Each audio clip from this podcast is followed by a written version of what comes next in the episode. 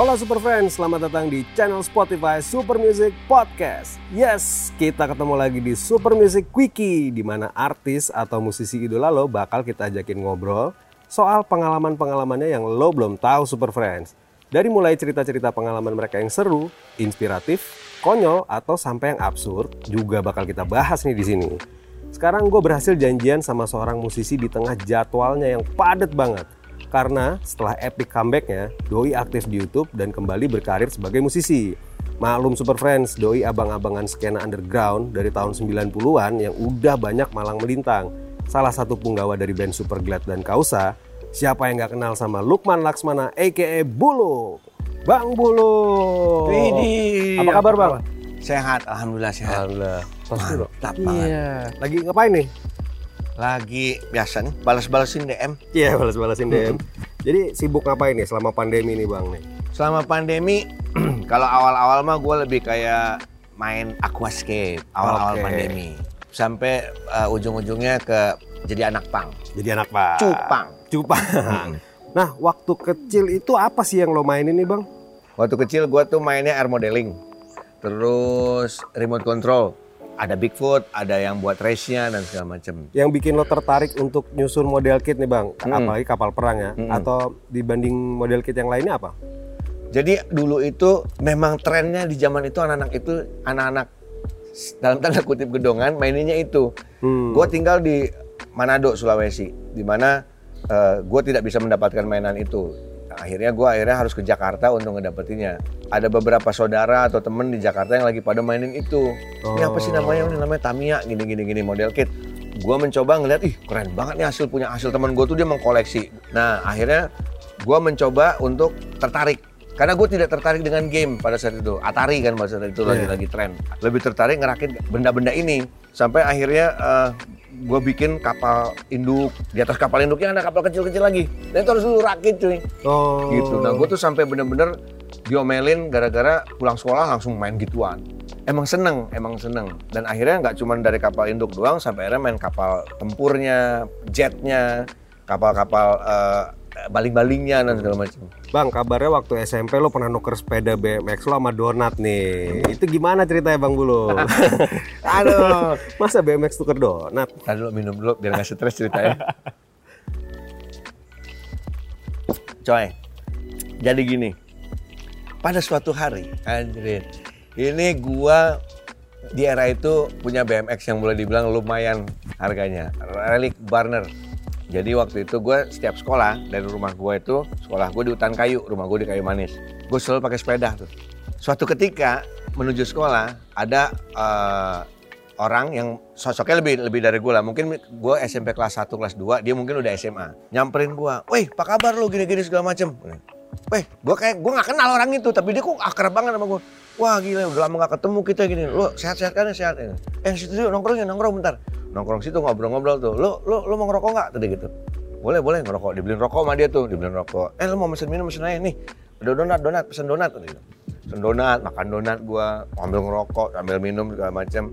Terus dia eh gua gua gua pinjem sepeda sepeda lu bentar ya. Gua mau ngambil eh, kaos gua doang bentar sebentar gua balik lagi. Oh ya udah pakai aja gua bilang. Udah dia jalan lah bawa sepeda gua.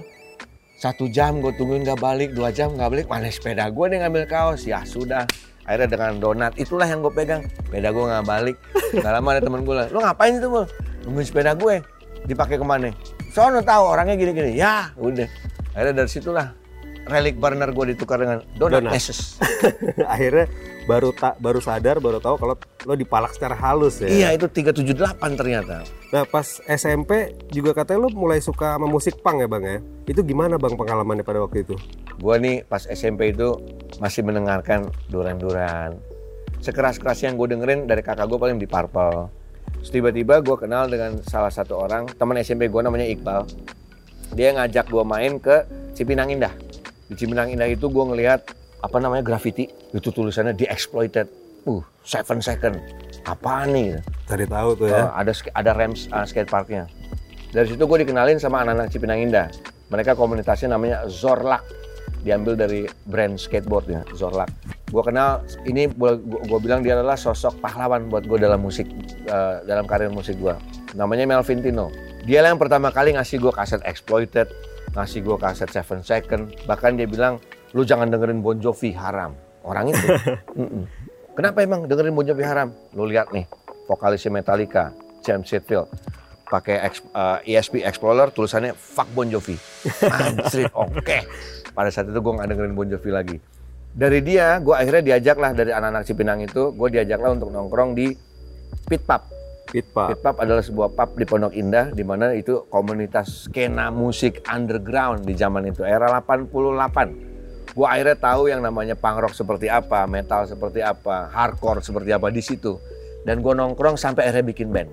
Oke, sekarang kita bicara fenomena tentang PlayStation 5 nih Bang. Ternyata di Taiwan ada kejadian laki-laki nih suami ini ngaku ke bininya beli air purifier. Padahal sebenarnya itu PS5. Karena gara-gara bentuknya sama nih Yep. sama si apa PS5 itu kan. Lama-lama istrinya tahu ngambek, akhirnya suruh jual lagi. Kalau misalnya lo nih Bang, Hmm. ngebet pengen PS5, akal-akalan apa yang akan lo lakukan ke Neng Risma Bang? Andre. Nyonya masalahnya main game dia tahu. justru nyonya justru, justru nyonya tuh dia uh, Risma Gamer tuh gamers. Dia Gamer. punya games dari uh, Nintendo Wii sampai yang apa- Komplit ya? Uh, ada sampai PS4 dia masih nyimpen. Jadi kalau misalkan gua mau ngebohongin masalah masalahnya justru malah dia yang beliin gua ini masalahnya. Dia yang mainin, Bisa jadi dia yang akal-akalan ya? dia yang akal-akalan, dia yang ngakalin gua. Ya enggak? Ya enggak, Beb? Oke, sekarang kita ngobrol lagi masalah masa remaja nih. Wah, eh sambil jalan aja Sambil kali ya. ya? Matahari sudah me- menyengat ini. Sudah, sudah mulai menyinari ya? Hmm, hmm. Oke, oke. Sambil nyari adem, nyari adem. siap, siap. Hmm. Pindah ke mana nih kita? Sambil jalan. Sambil jalan. Oke. Waktu SMA, lu kan udah mulai total dengan dandanan ngepang nih. Ya. Akhirnya muncul nama Buluk pada waktu itu. Oke. Ceritanya gimana tuh bang? Nama Buluk itu pertama sebenarnya panggilan dari hanya keluarga doang yang tahu. Oh malah keluarga ya? Awalnya Buluk itu singkatan kalau misalnya gue punya istri nanti dipanggilnya Buluk Buluk karena dari Lukman nama asli gue. Hmm. Jadi kalau yang namanya Riki kayak Riki Seringai, istri dipanggil Burik. Ya kan? Ibu Riki. Buriki. Cuman waktu SMA semakin tercipta nama Buluk itu karena seragam. Jadi seragam SMA yang kalian tahu adalah putih abu-abu kan? Ya. Gua krem abu-abu. Oh lo krem abu-abu. Jadi putihnya udah nggak putih cuy, broken white. Nah katanya lu juga sempat nyobain mohawk pakai lem besi di rambut lo. Itu gimana sih rasanya bang? Ha. Awalnya gue bikin kayak Mr. T. Gue cuma potong tengah doang, sisain tengah doang. Dipanggil sama orang-orang sikat WC. Terus akhirnya gue diemin, gue gondrongin sama segala macam sampai bi- biar bisa berdiri. Ah. ya kan? Dari situ akhirnya gimana cara bisa berdiri? Belum ada gel yang keras, hard storong itu belum ada, Pomade belum ada pomade ya? belum ada. Dan akhirnya gue mencoba nanya-nanya ke orang-orang yang pada ngedirin rambut kayak gimana. Wah nggak ada yang ngerti, nggak ada yang ngerti. Gitu. Pada saat itu ada teman-teman pangrok pangrok gue, ada gue ingat banget ada Carlo, ada Cyril yang katanya suruh pakai, lu coba pakai lem. Yang dipakai waktu itu lem Fox. Nah bener cuy, itu kan kayak wax tuh Iya, putih iya. kan. Dipakai di sini set, itu benar-benar benar-benar boleh dibilang berdiri seberdiri berdirinya. Saking kerasnya tuh ya. Asli nyucinya juga lima kali juga nggak hilang itu. Berdiri terus ya. Berdiri terus. Nah, bukan cuma soal dandanan sama lifestyle nih. Lo Ya. juga pernah tergabung sama band punk antiseptik kan ya? Bisa dibilang merupakan salah satu band punk pertama di Jakarta tuh. Ya. Gimana bang ceritanya lo bisa gabung atau lo bisa bikin antiseptik dan skena punk pada waktu itu seperti apa sih? Antiseptik itu buat gue pertama kali gue belajar semuanya. Tanpa antiseptik gue nggak bisa seperti sekarang. Kenal pertama dengan Berry antiseptik itu boleh dibilang sangat fenomenal di Pit Pub. Gue kenalan sama dia di situ. Dia bilang band gue mau main nih di IKJ gitu. Dia dulu nama bandnya Dick Head. Gue datang ke ke IKJ nonton mereka manggung. Mereka bawain AMKE, bawain Black Flag, bawain Exploited dan segala macam. Wah anjing nih band keren. Karena pada saat itu di Pit Pub lebih banyak band mengcover lagu-lagu metal. Gua nonton mereka manggung, gua pogo, gua mohawk, gua slam dance pada saat itu waktu nonton di Head manggung. Gua nongkrong dan segala macam sampai akhirnya basisnya mengundurkan diri. Dia nyari basis. Eh gue deh yang main deh, lu bisa main bass? Bisa. Padahal masih ngaco-ngaco juga gue waktu itu kan. akhirnya gue masuk dan akhirnya mereka mengganti nama di Cat. Meng- jadilah antiseptik. Antiseptik. Gue uh, boleh dibilang banyak belajar dari septik. Belajar mengenai punk rock, belajar bahwa lu harus main musik pakai hati itu bareng sama antiseptik. Oke, kita masuk tahun 90-an awal nih bang. Lo kan sempat menekuni dunia otomotif nih, Eh. sampai jadi raja jalanan drag race Anjing. daerah Menteng. Eh, mungkin Gas, banyak yang nggak tahu nih. Ceritain dong bang pengalamannya gimana? Lu mau tahu ikutin gue dulu. Oke, Kita sambil jalan-jalan. siap. Dari dunia otomotif ada dunia mistis lagi gue. lu belum tahu kan? Ini gue terbalik coy. Wah. Eh, Tak gue ceritain. Oke. Tapi yang pasti era otomotif memang gua pada saat itu memang eh, boleh dibilang gua sekolah di salah satu SMA yang Bonafide ya kan di Percik coy. Nah gue gaul sama temen-temen yang demen mobil, yang demen musik segala macem. Mobil gue dulu ada Kijang Super, mesinnya gue ganti pakai 2 TG, gearboxnya pakai close, jadi emang boleh dibilang emang siap buat drag race. Emang buat balap tuh. Heeh. Pada saat itu kita kan ngedrag secara ilegal di Menteng, Oke. Stadion Persija. Iya, iya, Nah dulu situ, nah, itu Menteng kita ya. drag se- sepanjang itu. Kalau kita mau drag yang uh, versi panjang, pasti ke Sudirman. Dan Kijang gue salah satu mobil yang pernah masuk di majalah uh, mobil pada saat itu tabloid mobil dan memang salah satu Kijang yang diperhitungkan cuy. Oke. Nah, cerita mobil kebalik tuh gimana tuh pas lagi Nah. drag race? Jadi gue lagi track di Sudirman. Di Setiabudi tuh kalau turun SMA 3 Ya. itu kan rada tikungan mau coba eh lagi-lagi ngebut-ngebutnya. Entah kenapa mungkin rada ada error bannya pecah atau gimana. Tiba-tiba mobil gue selip terbalik bek ngegeser. Tapi untung nggak guling-guling ya. Terbaliknya memang ngegeser bek nyeret eh, itu posisi kita emang di bawah rrrr, gitu. Kayak film-film cuy. Ada api-apinya dikit apa kayak lasan kelar ini apa kaca depan pecah ya kan? Gue keluar dari mobil yang gue lihat bukan kijang gue dokter Martin gua ya baret Martin gua karena waktu itu nyari dokter Martin susah Susah nyarinya. eight hole red cherry wah lagi wah itu kan pangrok pangrok banget begitu Masih England ya? macam. Heeh. tapi buat super friends please lo lo jangan jangan drag race drag race ilegal friend bahaya ya kan mendingan udah eh, kalau memang lo tekuni salah satu bidang lo demen drag race demen rally lo demen segala macam tekuni apa yang emang lo tekuni. Pasti akan menghasilkan suatu saat Iya. ya kan? Contohnya teman gue tuh JJ Logi. Beuh, CS gue tuh friend pereli ya yang akhirnya sukses di bidangnya. Jadi kalau memang lu pengen terjun di bidang itu jangan setengah-setengah. Yang legal aja. Coy gerak coy. Oke. Wah, ini Wah. dia nih. Ini studionya cabul nih ya. oke. Selamat datang di Cabul. Eh, Nah, Bang, kan dua tahun kemarin lo sempat menghilang nih bertapa dan sekarang lo akhirnya balik lagi ngehibur fans lo. Apa sebenarnya yang memotivasi lo untuk tetap berkarya setelah lo kembali lagi? gua abis dari eh, pertapaan selama 2 tahun. Gua nggak tahu siapa si A, siapa si B yang lagi tren. Gua memutuskan untuk ya udah deh kita bikin talk show eh, YouTube, coba dulu kayak segala macam. Di saat itu waktu pas gue baru balik eh, pertapaan 2 tahun, gue sedang memulai karir lagi bersama ada dua band gua, Kausa dan juga Superglad lagi gua aktifin lagi. Iya. Baru satu bulan Superglad aktif merilis sebuah uh, mini album Rockaholic Revival tanggal 3 Maret 2020. Beberapa minggu kemudian Corona of Conformity hadir. Eh, selesai sudah nih. Sampai akhirnya bengong segala macam kayak tadi gue cerita gue bikin aquascape dan segala macam sampai akhirnya ngobrol-ngobrol sama gitaris additional Superglad Adui yang kebetulan dia gitaris pick up juga. Ngajak gue untuk bikin channel YouTube terciptalah catatan si buluk. Episode pertama catatan si buluk ketika gue ngobrol bersama best friend gue Jimmy Multazam. Satu episode itu alhamdulillahnya bersyukur dengan sangat langsung monetize.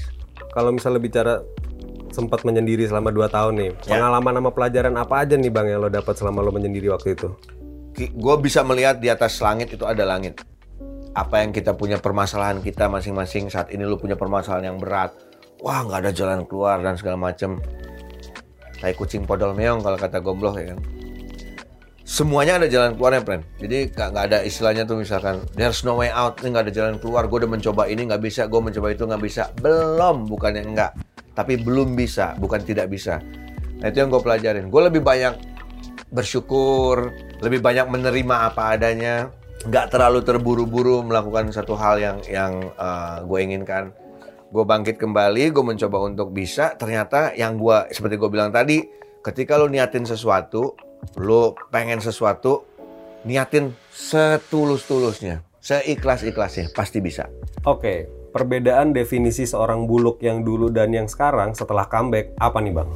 Gue sekarang ini boleh dibilang sedikit lebih tenang menghadapi sesuatu. Bersyukur sangat gue lakukan pada saat ini. Gue tidak pernah bermohon untuk berminta, tapi gue lebih bersyukur. Karena ketika kita bermohon, berdoa, meminta, terus tidak tersampaikan, jadi akhirnya lu malah kesel sendiri. Jadi gue berdoa lebih kayak say thanks dan bersyukur. Sekarang kita bicara kegiatan lo nih Bang. Hobi yang lo jalani selama masa pandemi selain sekarang aktif di YouTube, kemudian bermusik, ada apa lagi nih bang? Eh, hobi gue saat ini boleh dibilang apa aja lagi gue jalanin. Uh, aquascape masih berjalan. Uh, aku anak pang masih gue jalanin. Itu aqua. Aku anak pang. Ada Instagramnya tuh. Ada Instagramnya itu, tapi nggak terlalu aktif karena gue udah jarang posting dan segala macam. Jadi masih ada cupang, tanaman, dah Untuk pemula yang mau bikin aquascape, Ya. apa aja sih yang harus disiapin nih? duit. yang harus lu siapin adalah duit. Itu nggak nggak usah aquascape, yang lain juga duit ya. Kalau saran gua untuk para pemula supaya lu demen ngerobah-robah ya untuk belajar, pakailah tanaman yang murah meriah dulu. Tapi lu bikin dengan dengan struktur uh, hardscape-nya yang ngerti aquascape uh, hardscape-nya yang simpel dulu aja pasir malang, tanaman murah dan segala macam. Belajar dulu planting, planting dan segala macam. Nanti tapi kalau lu pengen sesuatu yang awet, ya kan? Mhm. Tanaman mahal itu itu awetnya naujubillah, friend. Oh, Anubias dan Buce Palandra itu tanaman yang sangat awet dan susah mati. Lumayan itu doang, tanaman itu doang. Itu berbulan-bulan air nggak lu ganti, nggak lu kasih oksigen, nggak lu kasih CO2 hidup. Kalau secara estetika nih aquascape Ya. yang yang lo suka bikin nih kayak gimana tuh bang? Gue lebih senang kalau pribadi gue, gue lebih senang main iwagumi. Iwagumi itu main rumput dan batu-batu doang. Sekarang gue lebih main paludarium, yang akuariumnya setengah, sisanya keluar-keluar batunya main air terjun dan mist. Nah sekarang kita ngobrol soal hobi lo yang lain nih, Ya. cupang hias, Ah. ya kan? Ini ada berapa nih cupang lo nih bang? Sama jenisnya ada apa aja nih? Sekarang tinggal dikit plan, tinggal sekitar 80. Tinggal 80. Dari hampir 200 tadi. oh dari hampir 200. Heeh. Sekarang yang lagi naik daun mungkin blue rim ya. Blue rim ya justru ah, blue rim lagi lagi lumayan naik. Ada blue rim, ada yellow base lagi lumayan pada naik. Terus kabarnya juga sekarang Superglad bikin project remake single satu Ya. yang berkolaborasi sama banyak musisi lintas genre. Ya, Itu gimana cerita awalnya bang? awalnya kita pengen bikin single, single aja aja single baru lagi. Tiba-tiba manajer kita ada manajer baru punya ide, kenapa nggak remake lagu satu aja sih? Tapi kita lintas genre, ajak teman-teman musisi yang sekarang ditahu oleh oleh Generasi sekarang, generasi ya. sekarang. karena boleh dibilang Superglad regenerasinya tidak begitu bagus di eranya. Akhirnya kita mencoba bikin lah si basic musiknya dulu. Kita list nih artisnya siapa aja. Oke. Pamungkas, Tuan 13. Sampai akhirnya semua artis yang kita hubungin itu puji syukur alhamdulillah semuanya ready Bang Bulls. Dikasih respon yang baik. Bahkan Pamungkas boleh dibilang sangat membantu er- a- a- arrangement dari eh, part vokal. Dia ngatur partnya Prince Hussein, dia ngatur partnya Melanie Subono, bahkan dia ngatur part di sini gua ngambil ini, lu di sini ngambil ini Bang Bul, ini ngambil ini. Jadi gue yang "Ah, anjing Pam lu jenius juga ternyata ya gitu. Dan akhirnya gue tahu sosok seorang Pamungkas tuh "Ah, anjing ini orang jenius banget nih. Untuk musisi muda buat gue dia lumayan canggih. Sampai akhirnya gue banyak belajar ketika lu rekam itu. Bahkan yang luar biasanya ketika gue ngajak Elo, Elo Elo nggak rekam di studio gue, dia rekam di studionya sendiri. Dia kirim materinya, gue tempel vokalnya Elo. Anjir berubah nggak jadi super glad super gladnya. Ditambah backingnya Marcel dan segala macam yang akhirnya memang gue nggak nyangka lagu itu. Ekspektasi gue tidak setinggi itu. Tiba-tiba pas jadi lagu itu, wih hedan. Gue sampai merinding, yang nyiptain lagu aja merinding gue waktu itu. Anjing jadi bagus gini. Luar biasa ya. Kalau buat lo pribadi nih, lagu satu dengan kondisi kita kayak sekarang ini relate banget nggak sih sebenarnya bang? Lagu satu tuh boleh dibilang untuk kondisi sekarang sangat relate, malah boleh dibilang itu lagu untuk menyemangati ya. Yang boleh dibilang era 2020, era suram. Iya Ya kan? benar. Nah, lagu itu justru malah kita ingin menyemangati orang, bahkan lagu itu secara penjualan digitalnya kita akan sumbangkan semuanya lewat Rumah Harapan Oke. untuk mereka-mereka yang membutuhkan. Setelah project remake single satu ini ada kejutan lagi nggak nih dari Superglad? Atau mungkin dari lo sendiri nih bang Buluk? Yang pasti setelah remake lagu satu ini, merchandise sudah pasti ada. Kita juga Oke. akan sumbangkan merchandise-nya. Superglad pun akan masuk ke dalam studio lagi untuk workshop. Kausa dan gue akan merilis film horor. Waduh. Wah, ya kan jadi banyak banget kerjaan gue itu. Catatan si Bulog akan hadir tamu-tamu lebih edan lagi coy. Lebih edan lagi ya. Mapren, ini masalahnya kan sudah jam 13.39. Di mana gue jam 2 harus berada di Tebet. Waduh. Dari Cilandak ke Tebet, gue Iya, mesti, mesti sedikit jadi pembalap liar lagi. Tapi tetap hati-hati di jalan ya. Pasti dong, Siap. gitu. Aneh pamit dulu ya, Pren ya. Oke. Soalnya ini ketemu anak-anak Superglad, kita mau ada syuting di salah satu event uh, virtual. Wih, Ya kan? pokoknya sukses terus, sehat-sehat bang. Thank you, bro. Makasih banyak waktunya. Thank you banget. Thank you, Super Friend. Love you all. Ingat, bersyukur. Yo Super Friends, baru aja kita ngobrol-ngobrol dan ngorek-ngorek info dari Bang Buluk nih. Mulai dari segala macam hobinya, BMX yang ditukar sama donat, karir di musiknya Doski, banyak banget ceritanya. Oke Super Friends, sekian buat Super Music Quickie bareng Lukman Laksmana aka Buluk. Nantikan Super Music Quickie di episode berikutnya. Stay tune terus di channel podcastnya Super Music karena kita bakal terus ulik, korek, dan kepoin apa aja informasi seputar musisi dan artis kesayangan lo yang tentunya lo belum tahu Super Friends. Jangan lupa juga untuk nonton Quickie di channel YouTube Super Music. Terus lo tulis dia di kolom komentar siapa bintang tamu selanjutnya yang lo mau untuk kita datengin. Bye Super Friends!